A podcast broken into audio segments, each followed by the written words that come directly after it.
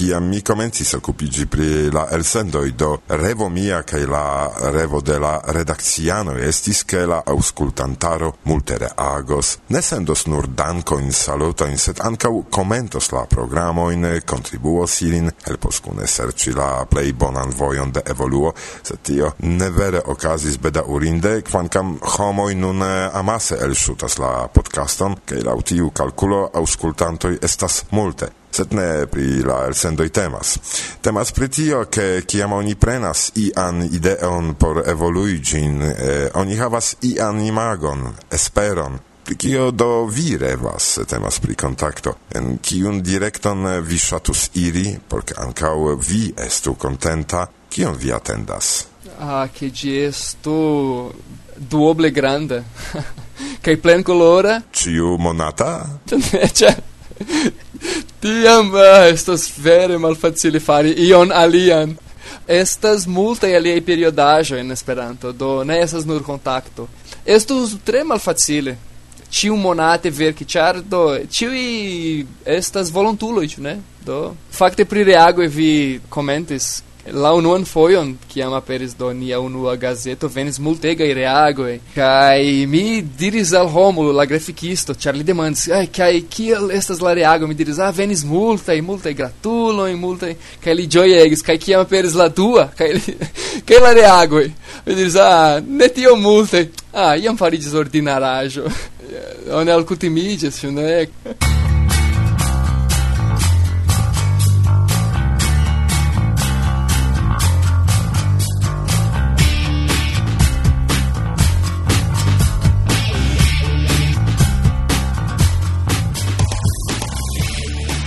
Kion vi desirus messaggi alla legantui de contacto, cae ancau al tiui, ciui neniam vidis cae legis la revuon. Uh, mi do invitas ilin koni la revuon kaj fakte estas ne multaj esperantistoj kiuj kutimas legi en Esperanto kaj tio estas uh, ah, grava manko mi pensas. Contacto essas leĝera, essas amusa, simple lego, simple abono, cono ĝin ĉar vi ricevos do tiun du monaton interesan periodajon. Mm -hmm. Do mi havas privilegion eh, koni vin persone. Unufoje ni vidis nin kaj eĉ eh, la unuan fojon mi intervjuas vin contacto, contacto, contacto, kai kio con musico, con gitarumado, con via pasio realigi filmeto in filmoi, kio con tio cio? Do, jes compreneble ni conatitis iam, kai mi havis la plezuron, esti invitata de vi, concerti in Bielstoko con Supernova, kiu estas mia esperantlingva grupo. Ĝuste, kio kun eh, Supernova? Con Supernova vi havo surprizon, ĉar antaŭ kelkaj tagoj ni revenis kaj ni faris nian unuan provludon kun nova gitaristo, kiu loĝas uh, ĉi tie en nia urbo, kaj ni planas fari kelkajn kanzonojn, komponi kaj eĉ lanĉi novan albumon. Mhm, mm do Homulus, uh, eh, Horjoner kaj eh, Marcelo. Marcelo. Marcelo Homulus saluto in el Varsovio. Kai kio kun via pasio realigi filmeto in filmo in. Me non nuntempe faras uh, laboras por kelkaj televidprogramoj, do tio ne estas vere filmoj, sed estas uh, eh, laboro. Kun filmo mi sentas ke um, mi devas attendi ion au attendi che aperu la giusta opportuno char filmo estas io che oni tutte ne povas fari ma oni ech povas sed estas tre facile fari gin sola. Do vi dependas de aktoro e vi dependas de multa alia efero tecniche. Ramoni malaperis. Mia chef actorino malaperis? Oh, yes, yes.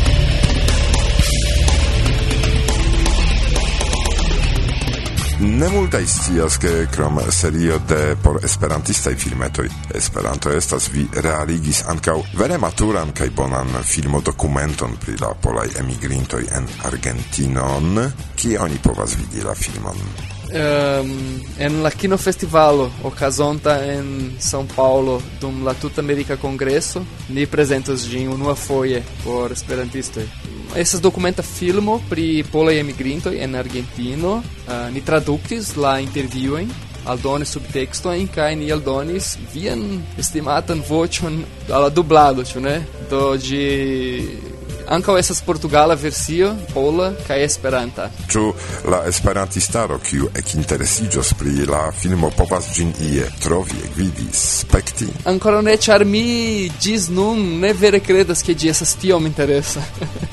Do sed eh, tamen ĉar tio estas nur via opinio. E, io ni povas ĝin trovi? Estas eh, en la reto antaŭ filmo, ĉu ne? Ĝi havas du minutojn, uh, oni povas spekti ĝin.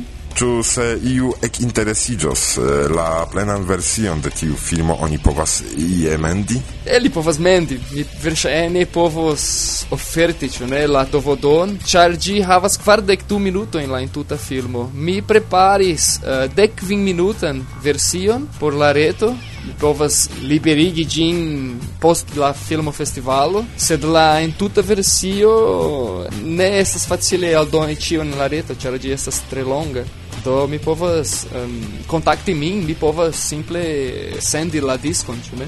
Kaj kiam aperos la nova kodo de Supernova? Ah, mi ne scias eble komence de la venonta jaro aŭ fine de 2011 do ni faris nur nian unuan provludon mi ancora havas uh, tempon ĉu ne por kune ludi por verki komponi kaj poste registri do daŭros iom ankoraŭ sed pensas ke ĝis fino de tiu ĉi jaro ĝis komenco de la venonta jaro ni jam estos en studio registrantaj espereble. Cara, malcasu ion, uh... kion ni ŝatantoj de muziko povas atendi? Eh, ĉu la komponaĵoj estas similaj al tiuj kiuj jam ni konas aŭ vi preparas ion alian? Ah, mi pensas ke ĝi ŝanĝiĝos fariĝos pli peza tormenta? ne tiom multe, sed jes, ĉar ni ĉiuj ŝatas metalon. Ni provas sekvi un vojon, sed ni vidos. Mi pensas ke ni fariĝos ankoraŭ pli pezaj.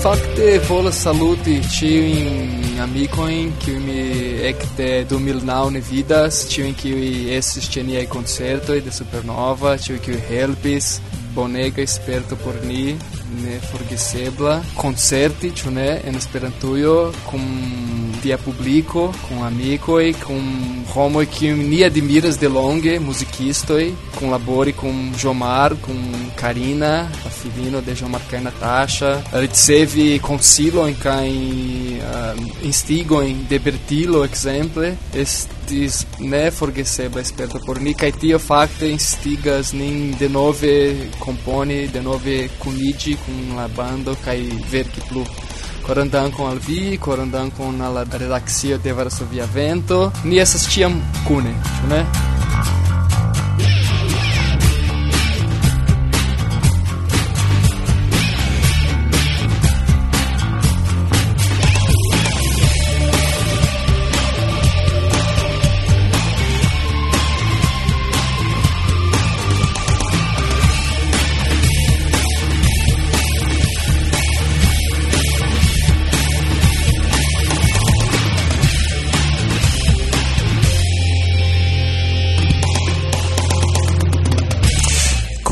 Aldone ni estu anca vi, cara auscultanto.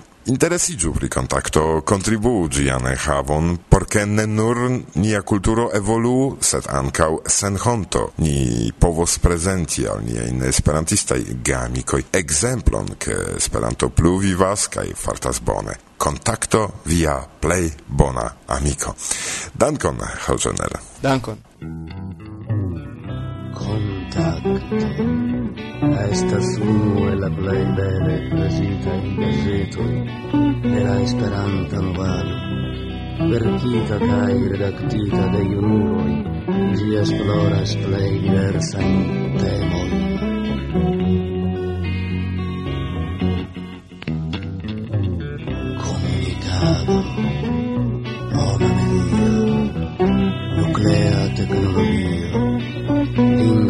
cae sociae demandoi. Parto de duc problemoi inularei movadoi actualei eventoi. Dopo ci ignoras la rutina in movadei in kai tractas nur la play larga in aspecto de esperanto cae gia movado en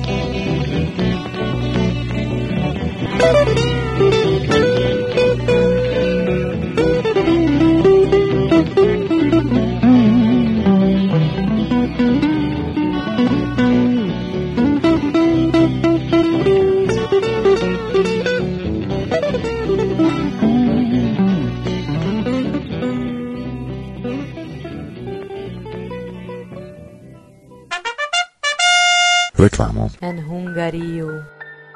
En la valo de Malgioiego okazos Ioso Elektu kundancisto Casino, akvobatalo, homlupa ekskurso, aŭkcio, kuirado, vortbatalo kaj pli. informoi che ioso.hu oblikvo eu.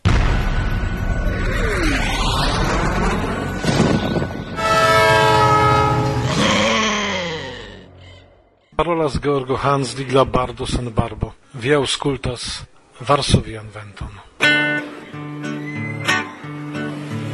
Diris mia patro, ce matenateo, forgesu filo la stulta en ideoin, diligente studu en Krakovo, la legion, Ĉar nenion faras, ĉiu advokato prenas grandan monon kaj sidas en kravato kaj vivas advokatoj dice kiel la reĝoj.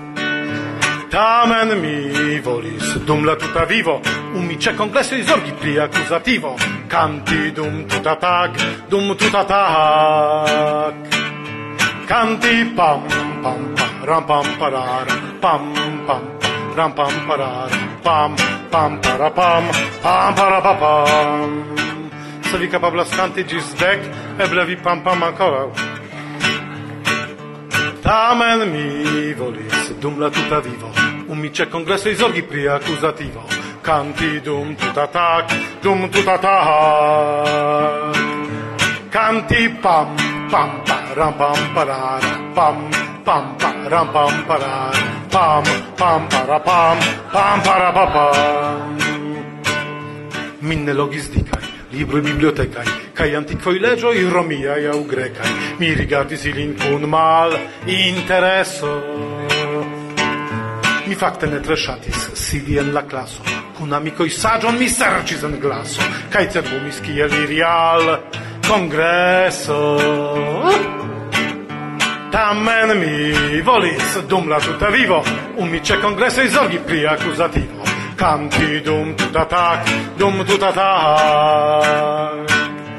Kanti pam pam param pam parar pam pam pam ra pam para pam pam para pam pam para pa pam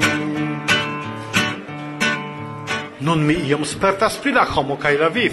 Multaj vortoj trovas mi sen helpo en piv. Mian vivon ŝanĝis ĝuste Esperanto. Kaj kiam vivo ĝenas, mi sidas kun gitaro, sur genuo kuŝas la verda kantaro. Kaj tiam por amikoj sonas tiu ĉi kanto. Fakte mi volis dum la tuta vivo. Un mi c'è congresso in zorghi pri accusativo. Canti dum tuta tac, dum tuta tac. Canti pam pam pam pam parar Pam pam pam parar Pam pam para pam pam para pa pa pa pa pa pa pa pa pam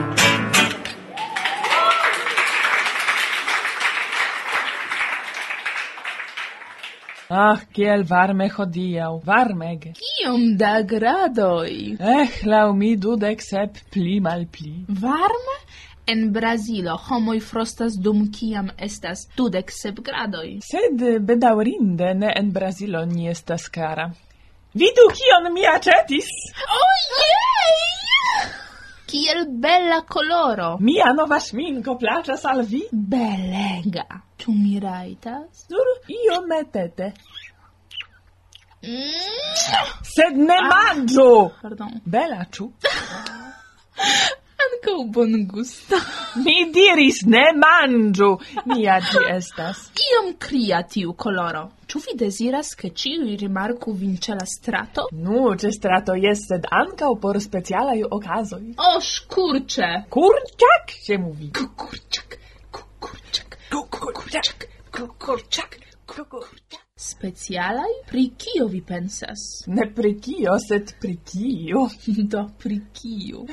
Sed diru al neniu, las min con mi acetis, ĉar... Salutan! Salut! Saluton! Saluton! Pri kia vi parolas? Pri la sminko. Ke ĝi havas belan koloron. Ah, interesa! Kaj kial tion vi registras? Registras? Dio mia! Ah! Muziko!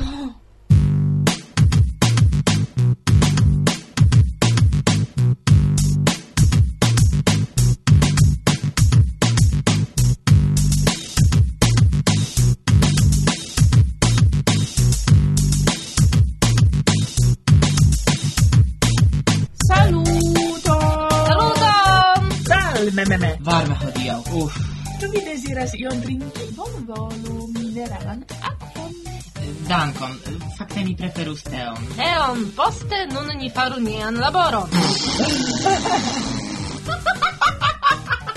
ne laboron, sed plezuron. Yes, me, me, me. Do, pri kio ni parolos hodiaŭ? Unue, ni priparolos reagojn de la aŭskultantoj. Ankaŭ tiuj, kiuj aperis en Facebook. Vizaĝlibro! Facebook. Mi rajtas havi mian propran opinion. Do, due, due ni priparolu aŭ eble klarigu al la aŭskultantoj pri kio temas la verda biblio. Kiu salidis mian ŝminkon? Ne, Ruda, nek mi. Paweł! Ankaŭ mi ne. Jes, certe Paweł tion faris. Klare. Jest do pri kio temas? Gonia, feliĉu. Jes, ĉar hodiaŭ ni prezentos duan kaj trian ĉapitrojn kune. Kaj malgrandan prezentiĝon de Jerzy Fornal, kies voĉon vi aŭdas en nia radiodramo. Kaj poste ion ni manĝos. Ni havas kelkajn kolbasojn. Der pomoj! Kaj produktojn por la greka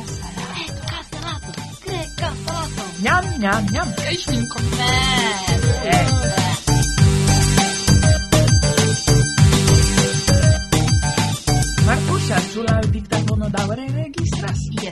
sed sentu komforta, ĉar nun ni iras al via plej ŝatata parto de nia registrado. Ĉu temas pri komentoj? Jes, pri komentoj. Ĉu mi, ĉu mi povas legi la unuan reagon? Kial ne? Flago skribis. Tre normaj voĉoj el Varsovia vento. Mi tre ĝuis, ke el bonaj konversacioj estis tre belaj en Esperanto. Dankojn pro viaj penaj laboroj, sukceson kaj venkon. Mi amas aŭdi tiajn komentojn. Joj, mielo por mia koro. Vi havas mielon en la koro.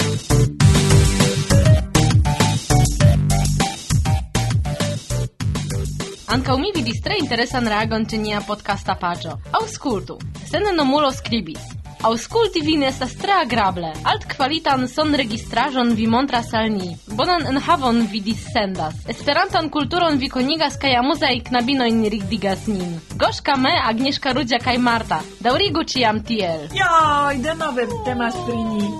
Sed tio ne estas fino. Aŭskultu plu kion skribis sennomulo en la comenzo, la sencorpa mistero. Mi antaŭen aŭdis pri el la verda biblio. Unua foje mi vidis ĝin. La rakonteto plaĉis al mi. Kontraŭen eblas. Radio Teatro tre bone prezentis la unuan ĉapitron. Mi ne legos aliajn ĉapitrojn, mi atendos sekvajn elsendojn el vi. Dankon kaj gratulon pro via sendube profesia podcasto. Iu sennomulo el iu sennomalando. Post kelkaj minutoj vi havos ŝancon malkovri sekvan parton de la verda biblio.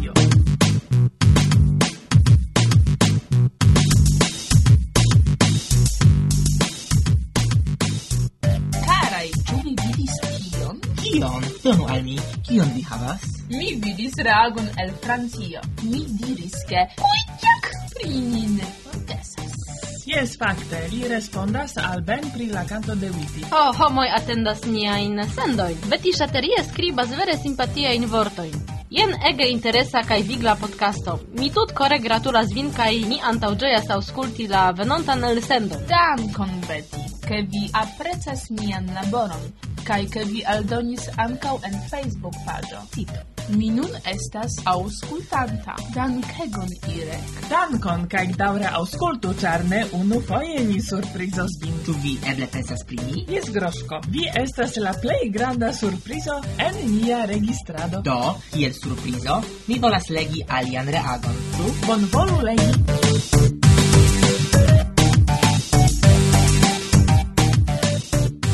Henry Erickson scribis Saluton por mi, maliunulo, via lasta podcasto estis ege amusa, kiel ankaŭ la filmeto Ĉapeloj. Dankon, printempajn salutojn el Finlando. Mi konsentas, kaj mi sendas al vi brie, somerajn salutojn el Polando.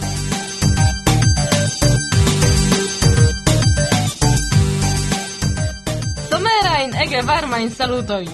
Kiam temas pri varmego, ĉu vi povas ŝalti ventilon? Ĉar mi ŝvitas. Dankon, Paweł. Non po povas registri plu. Nia konata Georgios Esper skribis pri tiu podcasto do klera kaj kultura altkvalita kaj bonsoneca ankaŭ kaj tiu sono Irek estas simple gratulojn. Rozetko estas la plej klera. O, o, o, o, o, tio jam estas privataj ekskursoj, lasu tion por vi. Ankaŭ mi ŝatas voĉon de Irek, tiel vireca, mal al Och, ne, denove temas pri farmego. Ruda, ne plendu, ĉar via ne estas ĉokolado kaj vi ne degelos. Sed ŝi estas bongusta kiel plenlakta ĉokolado. Mm. Oh. Estas tro. Karulinoj, ne forgesu ke homoj nin aŭskultas.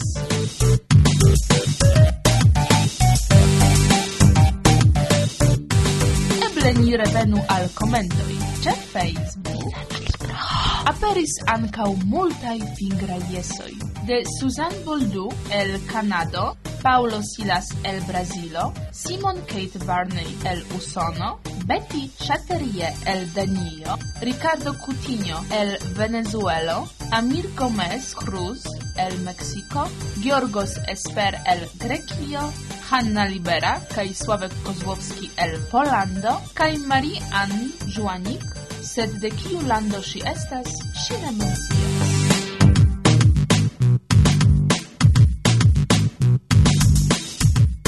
Ĉe vizaĝlibro mi vidis, ke Simon Kate Burney skribis Lerta muntado. Nun temas pri laboro, kiun faris Irek. Jes, dankon Irek pro via laboro. Dankon, dankon, dankon. Do, laŭ mi tia estas fino. Ĉu? Ĉu nun ni iras manĝi? Jes, manĝo estas la plej bona kontraŭ malsato. Kaj akvo kaj biero kaj aliaj trinkaĵoj estas la plej bona kontraŭ soivo. Bone, bone.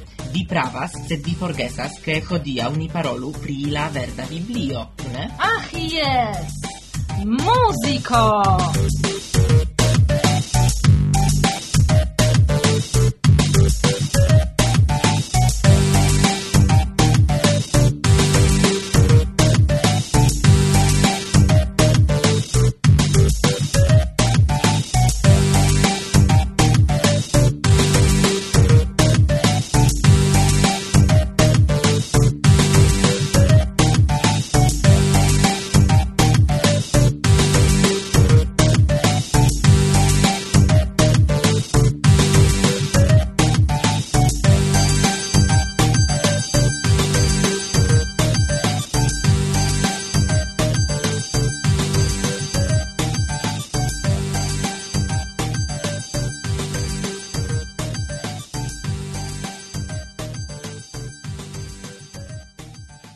Saluton, mi estas Jerzy Fornal, aktoro de la Pola Nacia Teatro, kiu krom sia profesia agado gvidis dum dudek ses jaroj ankaŭ la esperantistan teatron Espero. Unue mi deziras saluti ĉiujn, kiujn min audas, kaj ankaŭ tiujn, kiuj havis iam okazon vidi min sur sceneje – En mia esperantista agado mi presentis dec sep monodramoin, el kiuj alla plei gravai mi opinias sopiro, laboro, espero, gi enhavas poemoin kai el diroin de la esperanto creinto. Sed ne nur. Ancau gravas por mi el la verda biblio, interesa, satira, superrigardo al evoluo de Esperanto-movado. Sekve, virino kvar bildoj. La titolo clarigas jam intenzon de la autoro, kion li parte poeme desiris al la publico presenti. Alla listigo speciale mi desiras aldoni monodramon Aniaro, kiel filosofian sciencfikcian prescribon de evoluo de la homa civilizo. Nun mi vercas libron pri historio de mia esperantista teatra agado, kaj mi esperas fini gin sen dube iam. Plei gravas, ke mi iam comensis. Eh, mi gioias paroli al vi pere de tiu ci magia interreta eblo, pri kiu iam eĉ neniu revis. Do, restu sanaj, plenaj de energio, neniam forgesu pri Esperanto, kaj karaj, fartu bone. Aparte, kaj speciale, korain salutojn mi sendas al niaj monodramo aŭtorojn kaj tradukistoj. El la Varsovia studio de Varsovia vento parolis al vi Jerzy Fornal. Gis la reaudo.